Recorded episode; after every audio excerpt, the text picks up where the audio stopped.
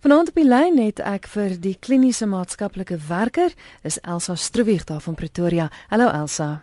Hallo Christel, hoe gaan dit? Baie goed, dankie. Lekker om weer met jou te gesels. Omtrent net so in die nuwe jaar. Nou vanaand se tema is 'n lywige enetjie. Hoe weet mens of 'n kind wel trauma beleef of emosionele skade opgedoen het? En dis hoekom Elsa deel van die program is. Sy's kliniese maatskaplike werker en Elsa net vinnig gou weer, wat presies doen julle daar daar by julle kliniek? Weet jy hier by ons hanteer ons kinders wat byvoorbeeld getraumatiseer is. Ehm um, kinders wat angssimptome het, kinders wat ehm um, wat rouprosesse deurgaan soos byvoorbeeld egskeiding of dood in die familie. Ehm um, kinders wat ehm um, depressie beleef. So enige ehm um, kom ons sê komplikasie wat 'n kind emosioneel beleef. Ehm um, spreek ons hier aan kinders wat sukkel om maats te maak, kinders wat geboelie word. So dis omtrent 'n wye verskeidenheid van kinders van die ouderdom van 2 jaar tot en met 18. Is dit so dat dat kinders veral as hulle kleiner is, nie noodwendig altyd weet hoe om te sê hoe hulle voel nie? Is dit dan moeiliker om te bepaal of 'n kind wel trauma beleef? Dit is verseker, weet jy, ek dink dis een van die grootste goed um, wat wat nie verstaan word nie is hoe klein kinders eintlik wel meer getraumatiseer word in baie opsigte as ouer kinders juis omdat hulle nie um, dit wat met hulle gebeur het kan verwoord nie. En as gevolg van die feit dat dit baie keer gebeur het in 'n tydperk waar taal nog nie ontwikkel is nie, maak dit die probleem dat hulle lyfies nog steeds daai angs ervaar of nog steeds daai trauma simptome het, soos terugflitsse of nagmerries. Maar dit kan net nie plaas nie en hulle kan nie presies weet waar dit vandaan kom nie wat dan hulle gedrag net nog meer gedisorganiseerd laat. En waar ouers dan byvoorbeeld kom en sê weet jy ek weet nie hoe om te hanteer nie. Hy kan net glad nie sy emosies beheer nie hy huil die volgende oomblik kan trek hy sy hare uit of hy krap homself ek weet nie waar kom dit vandaan nie en dan as ons hierdie proses gaan en 'n bietjie begin gesels dan vind ons uit dat daar daar byvoorbeeld geboorte trauma was Sjoe, so dit kan tot so ver teruggaan. Ja, verseker. Um, dit daai hele miskonsepsie van kinders wat wat klein is wat nie kan pyn ervaar nie is in die bed gesit al hele paar jare terug waar daar eintlik gevind is dat klein kinders eintlik daai volwasse um, senuweestelsel het om pyn te kan ervaar, maar ongelukkig nog nie die genoegsame hoeveelheid chemiese stowwe het om die pyn te kan onderdruk of reguleer nie. So dit laat nou eintlik 'n kleintjie met ongelooflike ongelooflike pyn wat hy ervaar en sonder om byvoorbeeld te kan plaas dat mamma is dan maar mamma kan nie optel en troos byvoorbeeld nie. So daai stelsel word in daai angs en vrees gelaat vir daai tydperk sonder dat hy dit kan verwerk of reguleer. Vanmiddag het 'n kollega van my interessant genoeg opgemerk. Sy sê baie dikwels as ouers deur egskeidings gaan, dan sal hulle sê, "Weet die twee ouer kinders het dit baie beter hanteer, maar die maar die jong enetjie was nog eintlik te klein geweest om te verstaan." Is dit 'n wanpersepsie wat ons het?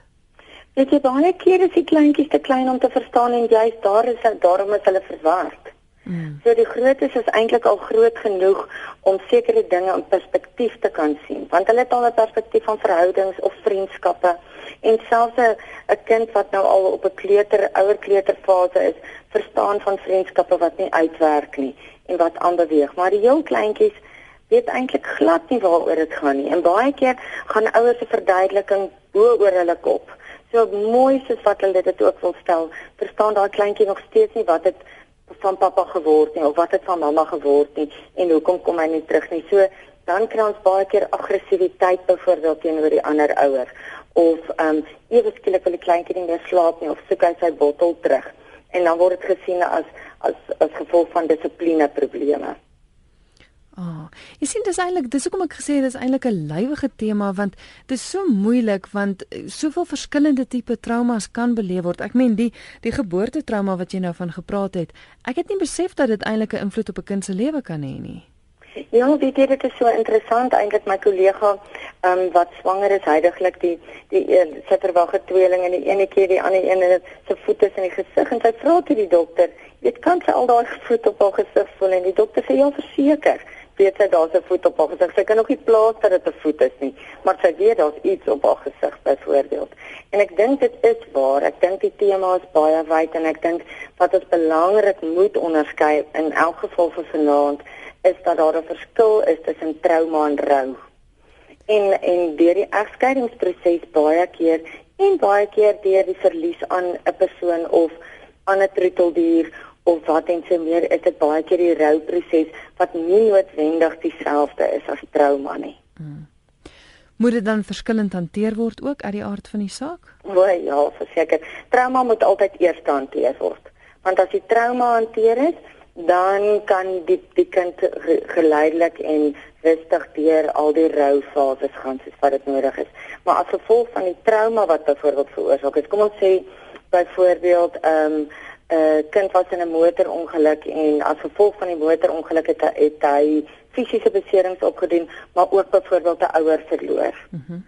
Dan weet ons daar's 'n verlies aan die ouer, maar ons weet ook daar's trauma as gevolg van die ongeluk. So die kind kan nie aanbeweeg deur die verlies van die rou van haar ouer voordat 'n mens die trauma van die ongeluk byvoorbeeld aangespreek het nie. Goed. Nou sulke dinge is is maklik om te identifiseer en te dink goed die kind het trauma beleef. Hy was in 'n motorongeluk gewees. Mm -hmm. Maar wat is van die tekens waarvoor ouers moet uitkyk om te probeer bepaal of 'n kind trauma beleef het?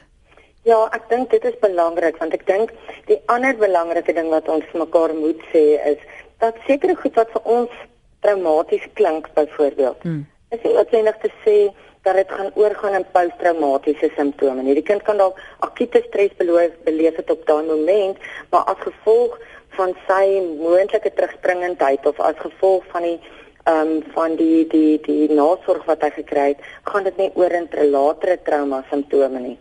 So ek sê altyd vir ouers die grootste en belangrikste ding waarna mens moet uitkyk is is daar 'n verandering in daai kind se normale funksioneringspatrone. Met ander woorde 'n kleintjie wat altyd goed geslaap het, slaap ewe skielik baie sleg en kry nagmerries. Nagmerries is die grootste en hoofsaaklike manier hoe kinders terugflitsse kry. Um ewe skielik eet die ouetjie nie meer goed nie. Um en wil sekere kosse of sekere goed waaraan hy voorheen deelgeneem het, wil hy nie meer aan deelneem nie. Isoleer homself geïrriteerd, maak sommer ewe skielik vir boetie of sussie seer. Um kry woede uitbarstings wat nie voorheen daar was nie en wat nie deel is van die lewensfase op daai stadium nie.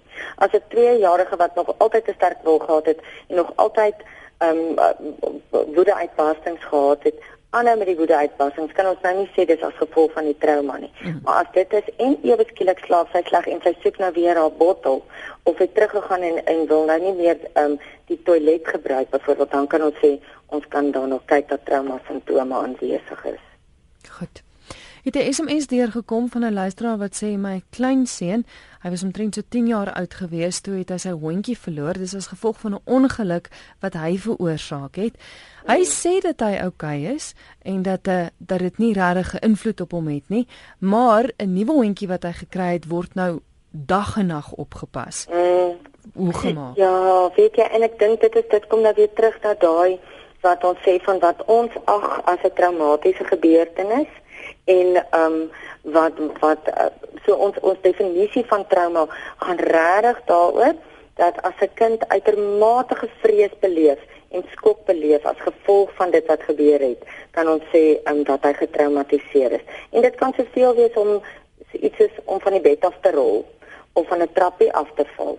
En verseker as hy daai hondjie mooi oppas kan dit ook wees dat hy nou iets geleer het uit 'n vorige ervaring, maar nou moet ons gaan kyk as ons sou sê hy pas daai hondjie um so goed op, beïnvloed dit ander dele van sy van sy funksionering met ander woorde, maak dit dit nou dat hy nie wil skool toe gaan nie. Maak dit dat hy nou nie meer met maatjies wil speel nie. Maak dit hom oorangstig dat hy die hele tyd die hondjie by hom wil hou in plaas van dat die hondjie vrylik um in die huis kan beweeg. So enige iets wat eintlik normale funksionering beïnvloed, kan ons pas sê is 'n rooi lig waarna daar dieper gekyk moet word. Goed. Ons kyk wat 'n paar oproepe. RSG goeienaand. Goeienaand. Ja, jy's op die lig. Ek. Ja. Kan ek maar praat? Welkom. Dankie. Goeienaand. Goeienaand, hoe gaan dit? Goed, dankie. Ek wil net ek wil net 'n vraag vra. As 'n uh, ma 'n kind verwag en sy probeer dit afbring met uh iets wat sy drink of warm waddens wat met, met jy weet daar in sekere goed gegooi word. Mhm. Mm en wat niks gebeur nie, sal die kind dit later weet. En ja, weet jy dit um dit is ongelukkig so ek dink Ekskuus, Elsa. Ekskuus, eh, het jy nog 'n vraag of wil jy ja, by die radio luister? Ja, ek wil dan ook vra en moet 'n mens dan later vir die kind dit vertel? Goed. Maar maar ek die dame praat nou vir my baie sag. Ek is ek kan nie goed hoor nie. Sal ek maar die foon neersit en gaan luister by radio? Ja, dis reg ek maak so ek sal haar ook bietjie harder sit. Dankie vir die bel, hoor. Goed, Elsa.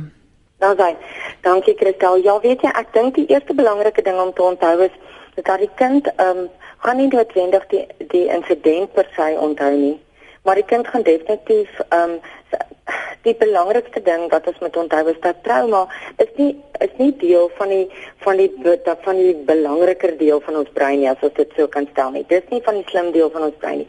Dit is trauma vorm waar ons trauma um, internaliseer is eintlik van daai daai diere deel van die brein. So die liggaam gaan definitief onthou dat hy 'n skokreaksie was iewers, want ons moet onthou ten spyte van alles het um het mamma 'n oormaat adrenalien afgeskei. En as ons nou dink dat jy nie eers 'n glasie wyn of iets kan drink as jy swanger is nie, hoeveel dan te meer kan daai streshormone ehm um, deur die naaldstring by die baba uitkom?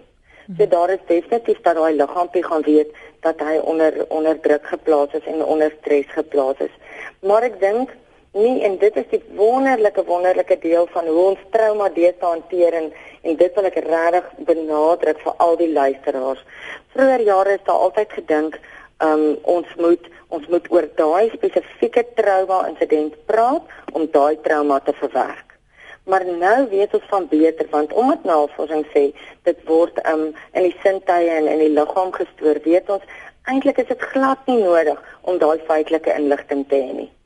Eintlik gaan dit daaroor as as daai kleintjie byvoorbeeld gedragsprobleme het of hy sukkel om rustig te raak, byvoorbeeld of sukkel om te drink of um sukkel om om kalm te raak, dat 'n mens eerder gaan kyk hoe kan 'n mens hom help om um dit is nou 'n ingewikkelde proses, maar om daai veg of vlug reaksie wat hy nie in staat was om te doen nie, te kan gaan deurvoer. So hy hoef nie die inligting te hê van wat om te gebeur nie, want dit sal hom 'n tweede skok veroorsaak. Want ons wil nie hertraumatiseer nie, maar wat ons wel wil hê is daai stresenergie wat in ons in in ons wese gestoor is, dit moet iewers heen gaan en dit moet ontlaai word. En dit kan deur verskillende tipe speletjies en verskillende maniere gedoen word. Goed, wonderlik. 'n SMS van 'n luisteraar dis Ernst wat sê ek werk weg van die huis af vir 2 maande en ek sien my kinders, die oudste een is 2 jaar en die jongste een 5 maande elke naweek. Gaan dit 'n invloed op hulle hê? Weet jy ek ek dink dit is die goeie nuus vir Ernst en dit is as hy as hy die, die naweke wat hy wel by die huis is, daai kwaliteit tyd aan hulle spandeer met ander woorde. Dit beteken 'n uh, 'n uh, melkskommel by die wimpie is nie noodwendig kwaliteit tyd nie want vir so klein lyf vra dit baie om te stil te sit maar om op die vloer te gaan sit en te gaan speel wat daai 5-jarige graag nou wil speel of daai 2-jarige nou wil speel dit gaan die verskil maak en so daai tyd wat jy saam met jou kinders spandeer oor daai naweke om hulle maksimaal te leer ken en om met hulle daai binding te vorm maak dat hulle nie noodwendig dit as traumaties gaan ervaar. Hulle gaan na jou verlang en dit is tog normaal, maar dit nie te sê dat hulle skade gaan oorhou as gevolg van dit nie. Ek sou bly vra die vraag want eh, ek meen ek self as mamma, mense is partykeer so bang jy jy doen sulke klein goedjies en dat dit eintlik 'n groot invloed op jou kind het. Verseker en ek dink ek dink dit alles in alle goeders is daar positiewe en nadelige invloede, maar dis nie te sê dat dit weer eens as traumaties ervaar word nie. Ehm um, my lese is altyd jy kan nie skade doen aan 'n kind as jy aan sy regte raak, nie aan sy voorregte nie. Met ander woorde as ons ons kinders toepaslik straf en dit is dit is deur middel van om voorregte weg te neem, as die kind weet dat dit is as gevolg van, dan kan ons nie stok skade doen nie. Maar as jy jou kind in 'n donker kamer gaan toe sluit, byvoorbeeld want jy wil hom straf, dan vat jy aan sy reg om veilig te voel. En dan dan kyk ons na emosionele skade. En dan kyk 'n mens na dit in 'n hele ander perspektief want dan is dit ook natuurlik verwerping. Ja, dit is baie interessant. So jy jy kan nie skade doen eh, jy, of jy doen skade as jy 'n kind se regte vat, maar nie in sy voorregte nie. Dis reg en daarna moet 'n mens baie mooi kyk wat is 'n kind se regte. Mm. En dit is 'n kind se reg om veilig te voel en 'n kind se reg om om te kan um, gevoed te word byvoorbeeld en om om veilig te kan slaap in die nag.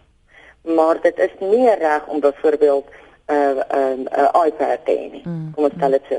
So ons kan die iPad vir 'n rukkie wegvat of die televisie vir 'n uur lank verder beperk. Want dit is natuurlik nou weer 'n hele ander onderwerp rondom dissipline, né? Nee. ons moet tog 'n nota maak dat ons eendag daaroor gesels. Seker dat ons iewers in 'n jaar daarby uitkom. Kobus het 'n SMS gestuur wat sê wat van die trauma van seksuele molestering en fisiese aanranding van 'n kind, die gevolge is soms lewenslank. Wat is die gevolge daarvan? Ja, ek dink daai um, is is 'n is 'n onderwerp wat wat natuurlik altyd vir almal naby aan die hart lê. En dit is verseker so, want ek dink as ons kyk na na mishandeling in enige vorm, seksuele misbruik en fisiese mishandeling en natuurlik verwaarlosing wat wat se impak nou al eintlik die ergste vorm van mishandeling gesien word. Um loop baie keer oor 'n lang tydperk dan praat ons daarvan dat 'n kind kronies getraumatiseerd is. En wat navorsing vir ons bewys het en hulle wat nou al al die slim mense het breinskanderings al gedoen en is daar fisiese breinverandering wat baie keer in daai kinders se brein voorkom. Met ander woorde, as ons nou in leuke taal kan praat, die holtes wat in die brein is, is groter byvoorbeeld of um, sekere dele van die brein is um, onderontwikkeld So maar die goeie nuus is ons weet dat die brein homself nou alweer in 'n baie groot mate kan herstel. Hmm. Maar uit die aard van die saak is daar een baie baie belangrike ding en dit is dat sodanige kind beveilig moet word en dat daar iewers is waar hierdie kind vir iemand kan vertel wat hom kan glo. Want dit is snaaks al is dit klink dit nou so klise, is dit die grootste ding is daar hierdie kinders word nie geglo tot dit 'n enorme ding is nie. En ons moet ons kinders leer byvoorbeeld om hulle om om hulle kom ons gebruik die Engelse woord gut feeling te vertrou. Om daai sesde sintuig te vertrou as hulle ongemaklik voel by 'n persoon. En as 'n kind vir sê hy voel ongemaklik, om dit nie net af te maak nie. Want baie kere lei dit dan op die langtermyn tot tot verdere misbruik. Maar die die die trauma word natuurlik baie meer intens hanteer in so 'n danige proses en dit is ook 'n langer proses om te volg. Hmm. Ja, ek dink jy moet vir jou kind daai veilige omgewing skep dat hy dat hy die vrymoedigheid het om vir jou te sê ek voel nie gemaklik nie. Altyd hmm. en dat jy hom daar glo en jou kind ook leer van van die nodige grense. En ons sê dit altyd maklik om ons kinders weerbaar te maak. Um tot 'n kind gekonfronteer word met 'n volwassene wat ook leer om ook in dieselfde tyd om respekvol te wees en nie nee te sê vir 'n volwassene nie so om daai fyn lyn en ons vergeet ons moet dit met kinders oefen want hy het nog nie 'n konsep van byvoorbeeld onveilige volwassenes nie. Mm, mm. So goeder trou en en om om byvoorbeeld met ons kinders in te oefen en vir hulle goed te leer soos as jy ongemaklik voel, sê jy gaan nie. As jy voel jy word weggevat van maatjies af, sê jy gaan nie saam nie. Byvoorbeeld as die aktiwiteite geheim behels, gaan jy nie saam nie. Skree jy so hard as wat jy kan of jy hardloop vinnig na die maatjies toe of na juffrou toe of wat ook al. Ons moet nooit nooit nooit dink dat 'n persoon wat kinders seksueel misbruik 'n lang tyd daarvoor nodig het nie. Hy het 'n paar minute nodig om 'n kind af te sonder. Hmm. Hier is 'n e-pos wat deurgekom het van Johan nie of dit wendig inpas by vanaand se tema nie, maar die program is om mense te help en hy vra my meisie se pa is vandag gediagnoseer met kanker. Vir haar is dit mos trauma, maar wat kan ek wat al kerel is doen? Haar emosies is my emosies. Ja, weet jy wat? Ek dink Johan raak aan 'n verskriklike belangrike ding hierdie. En dit is dit is wel vir haar um 'n baie skokkende gebeurtenis om so 'n diagnose te ondervang. Maar weet jy Johan, die ding wat mense die meeste help om nie posttraumatiese simptome om te ontwikkel nie, is verseker ondersteuning. En ek dink um ons wil so graag uh, dinge regmaak vir ander, maar eintlik net om daar te wees en 'n oor te wees om te luister en vas te hou, um fisiese nabyheid uh, op toepaslike tye en plekke is van kardinale belang en speel so groot rol. Ondersteuning speel so groot rol. Dis al eintlik van moederskoot af waar dit veiligheid bewerkstellig en ons brein is so gekodeer dat onmiddellik as as iemand as sy vir jou kyk en sy sê maar jy's okay en jy's daar vir haar en jy's rustig, gaan dit onmiddellik vir haar ook rustigheid bring en gaan dit haar laat veilig voel. Die oomblik as jy oor emosioneel gaan raak, elke keer as sy oor emosioneel raak, gaan dit haar eintlik meer paniekerig maak as wat dit haar vir haar ondersteuning is. En daardeur sê ek nie jy gaan nie deur jou proses um met haar pa wat siek geword het nie. Al wat ek sê is as jy daai kalmte kan bring. Ek vertel altyd vir die ouers van 'n um, interessante eksperiment wat gedoen is met drie drie kuikentjies. In die eerste kuikentjie het die persoon geïntimideer dat hy in die vries respons en gaan ons ken almal die versvrug of um, vries respons. En hy het net vir 'n paar sekondes geleen en hy het weggespring en te weer begin pik. En met die tweede eksperiment het hy twee kuikentjies geïntimideer en hulle het albei in die vriesrespons gesit en hy het hulle na mekaar toe gedraai. En hulle het vir 'n paar minute so gelê voordat hulle opgestaan het. En in die derde eksperiment het een hoendertjie gepik of een kuikentjie en die ander een het geïntimideer en hy het ook net vir 'n rukkie gelê want hy het gesien die ander een hou aan pik en toe spring hy op. Maar in die middelste eksperiment het die een vir die ander ingekyk en sy oormatige vrees gesien en so het hulle mekaar eintlik verlam. En wat ons eintlik daardeur leer is, is as ons die boodskap gee van weet jy wat alles sal oukei okay wees of weet jy wat ek is daar vir jou ten spyte van is ek jou ondersteuning dan behoort dit al klaar 100% beter te wees vir haar. Ja, wonderlike SMS'e wat deurkom. Ek gaan kyk dat ons by soveel as moontlik uitkom. Ek gesels met die kliniese maatskaplike werker Elsa Stroewig en ons gesels vanaand oor hoe weet ons of 'n kind wel trauma beleef of emosionele skade opgedoen het. Daar's ook 'n telefoon, die telefoonlyne lyn. Kom ons kyk of ons 'n oproep kan neem. RSG goeienaand. Goeienaand jou poes. RSG goeienaand. Fuck of jou hoer. RSG goeienaand. Goed, kom ons kyk gou SMS'e. Kom ons fokus daarop. Hierdie een sê as 'n ouer al uit woede geslaan het, gegil en geskreeu en 'n paar keer neergegooi het, is 'n 3 en 'n half jarige voor 'n 3 en 'n half jaar gelyk het. My kan 'n ouer dit regstel met baie liefde. Sal daai kind dit onthou? Ja, ek dink um, hier praat ons nou van van ehm um, kinders wat wat eintlik sekondêre trauma beleef, nie net om daai net om daai te gesien en beleef het. Ehm um, en en dit is so onthou wat het ons gesê rondom ons definisie van trauma as 'n kind oormatige vrees beleef het. En dit het gesê die volgende ding wat ons moet onthou is daai as 'n kind kyk na die persoon wat hom moet beveilig en wat hom veilig hou en kyk of hy rustig is en kyk of hy um of hy kalm is. So as as mamma wat byvoorbeeld um nou vir hierdie kind maar die rustigheid moet gee en die kalmte moet gee en die kind moet kalm maak um met ander woorde buite beheer is gaan dit uit die aard van die saak vir hierdie kind 'n 'n traumaties potensieel traumatiese ervaring wees. Met baie liefde verseker, maar dan is een ding verskriklik belangrik en dit is dat daai kind nou veilig moet wees. Dit is ons eerste eerste stap om trauma te genees, is veiligheid en stabiliteit. As daar nie veiligheid en stabiliteit is nie, dan is daai ou kleintjie se lyfies nog so in daai uh, uh, op daai fase waar hy waar hy waar hy eintlik besig is om uit te kyk en weerbaar is en angstig is dat daar nie plek is vir herstel nog nie. Hy is heeltyd besig om te kyk of daar gevaar is of nie.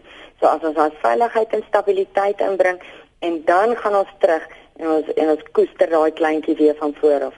Kan 'n mens verseker verseker dis die wonderlike deel daarvan, daai simptome verwerk kry. Goed. Nog 'n SMS sê my 3-jarige tweelingdogtertjie Dit lyk my dis net een van die dogtertjies ly aan skeiingsangs. Sy is bang vir mense. Hoe stel ek haar gerus dat sy oukei sal wees as sy my nie sien nie?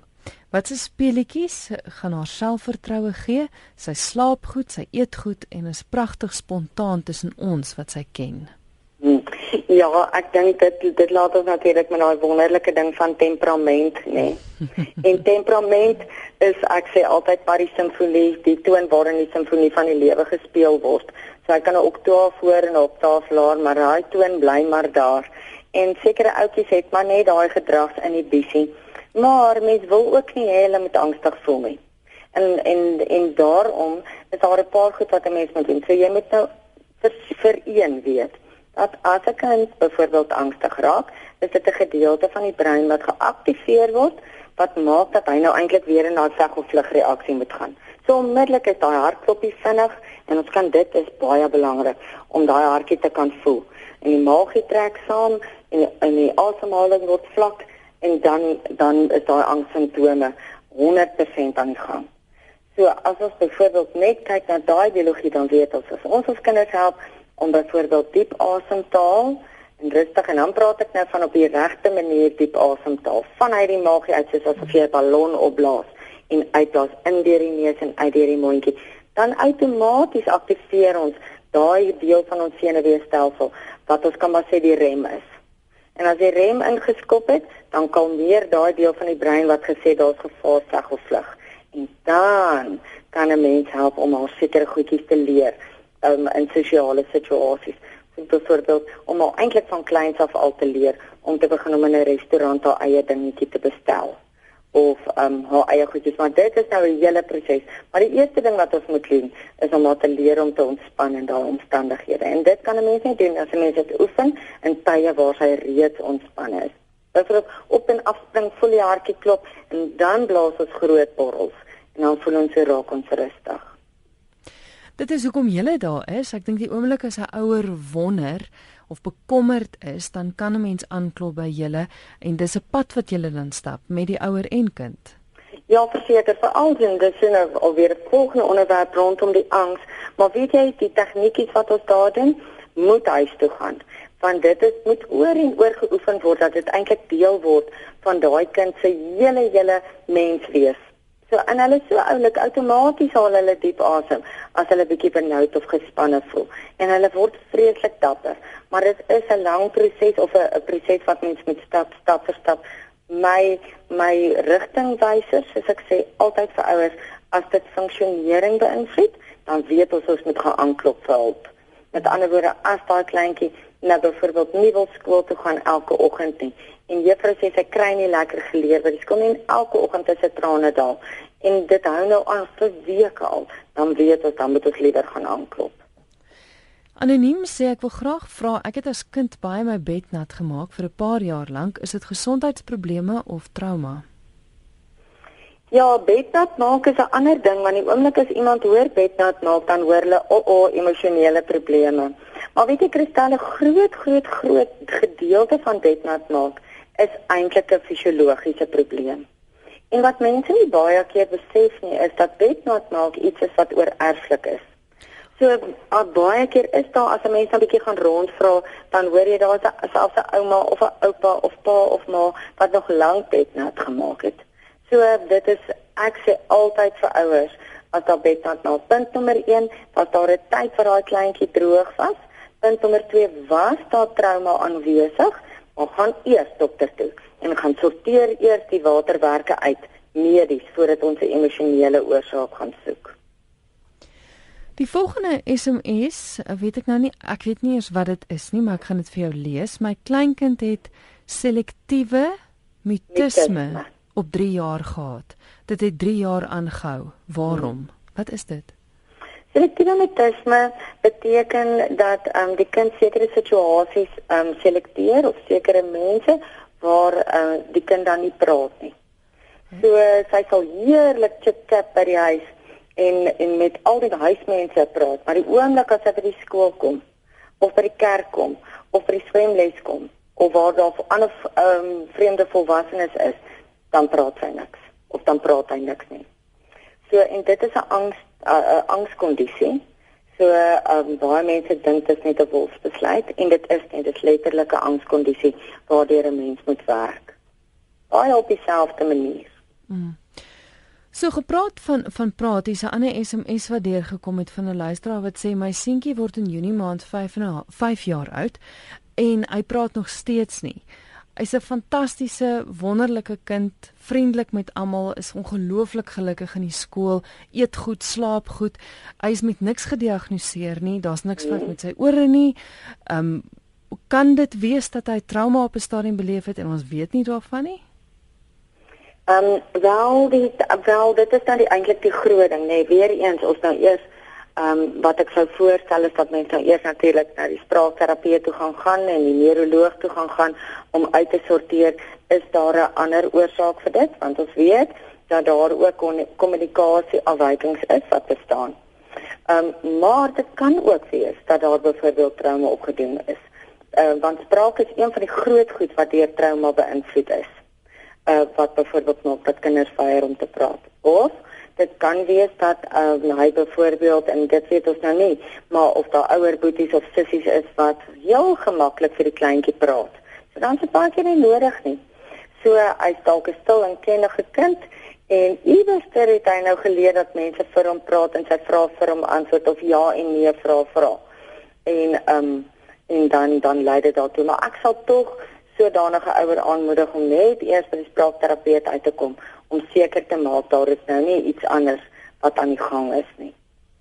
Goed, dis 'n uh, ouma van 72 wat sê my ma het my as dogtertjie van so 4 jaar gereeld vir ure in 'n donker badkamer as ek stout was toegesluit.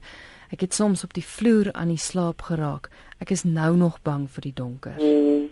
Sjoe, sy's 72, né? 72 en weet jy, ek dink Ehm um, wat die dame vir ons hier beklemtoon en dankie vir hierdie stelling want dit beteken een ding moet ons baie mooi onthou. Trauma gaan nie weg nie.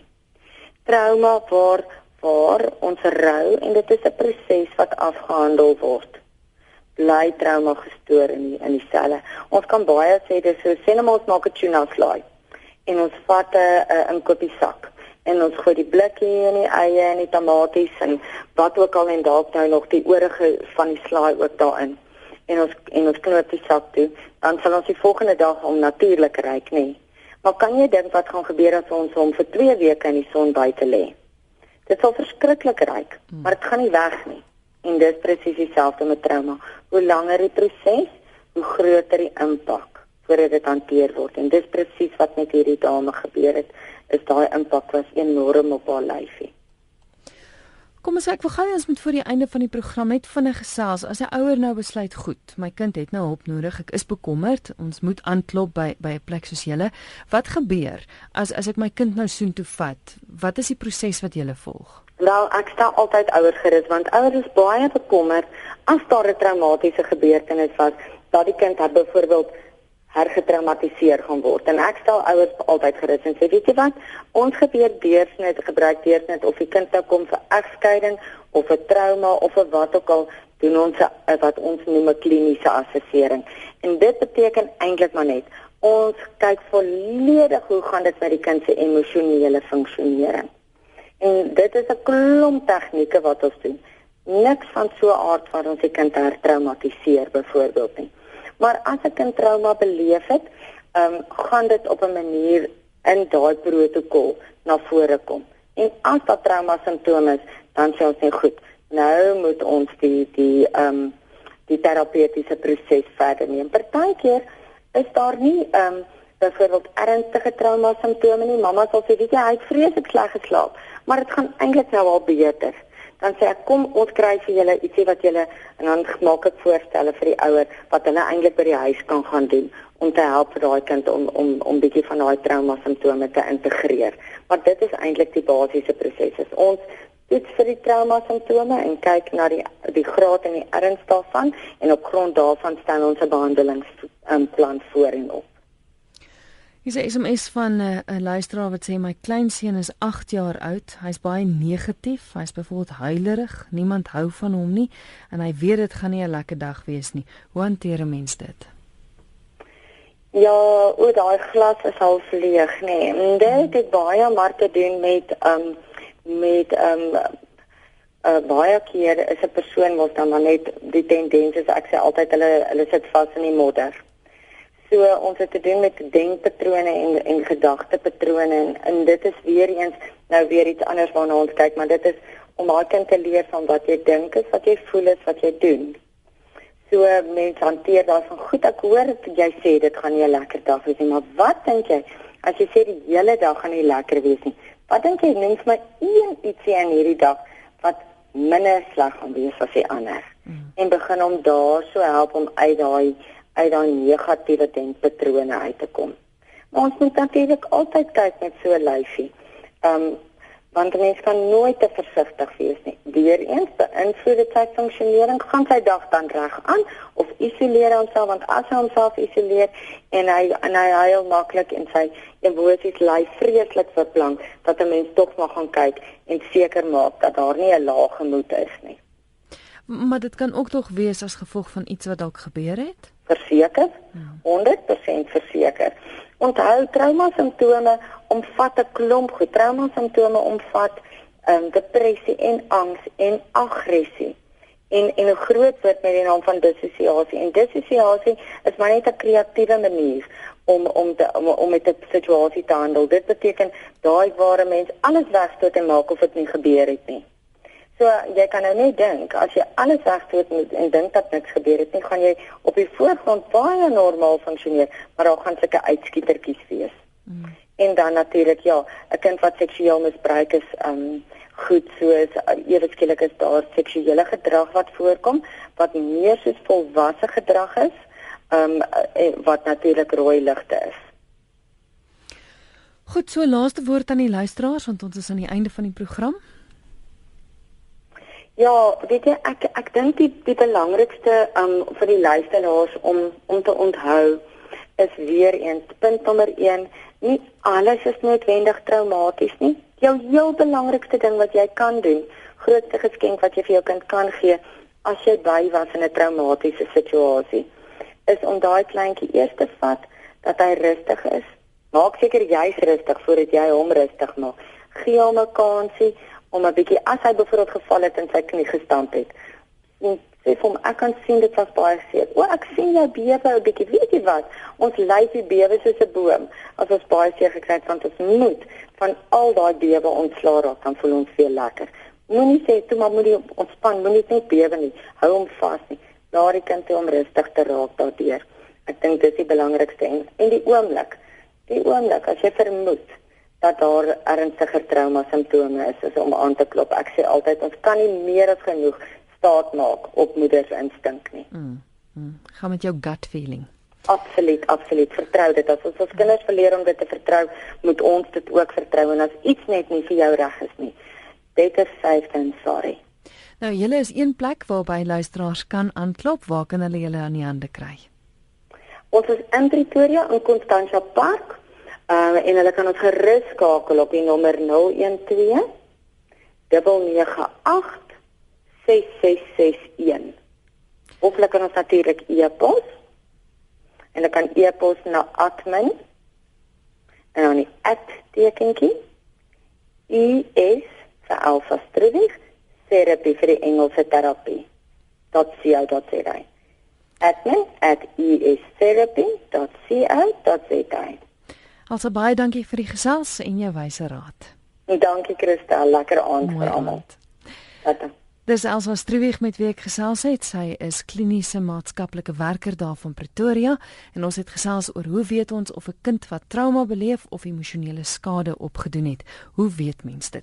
En ek dink wonderlik wat sy vanaand gesê het is jy kan skade doen as jy aan 'n kind se regte vat, maar nie sy voorregte nie. En soos ons nou gesê het, daai moederinstink van jou, as jy dink iets is verkeerd, laat kyk maar eerder. Net gou weer die telefoonnommer as jy met Elsa hulle in verbinding wil tree, is 012 012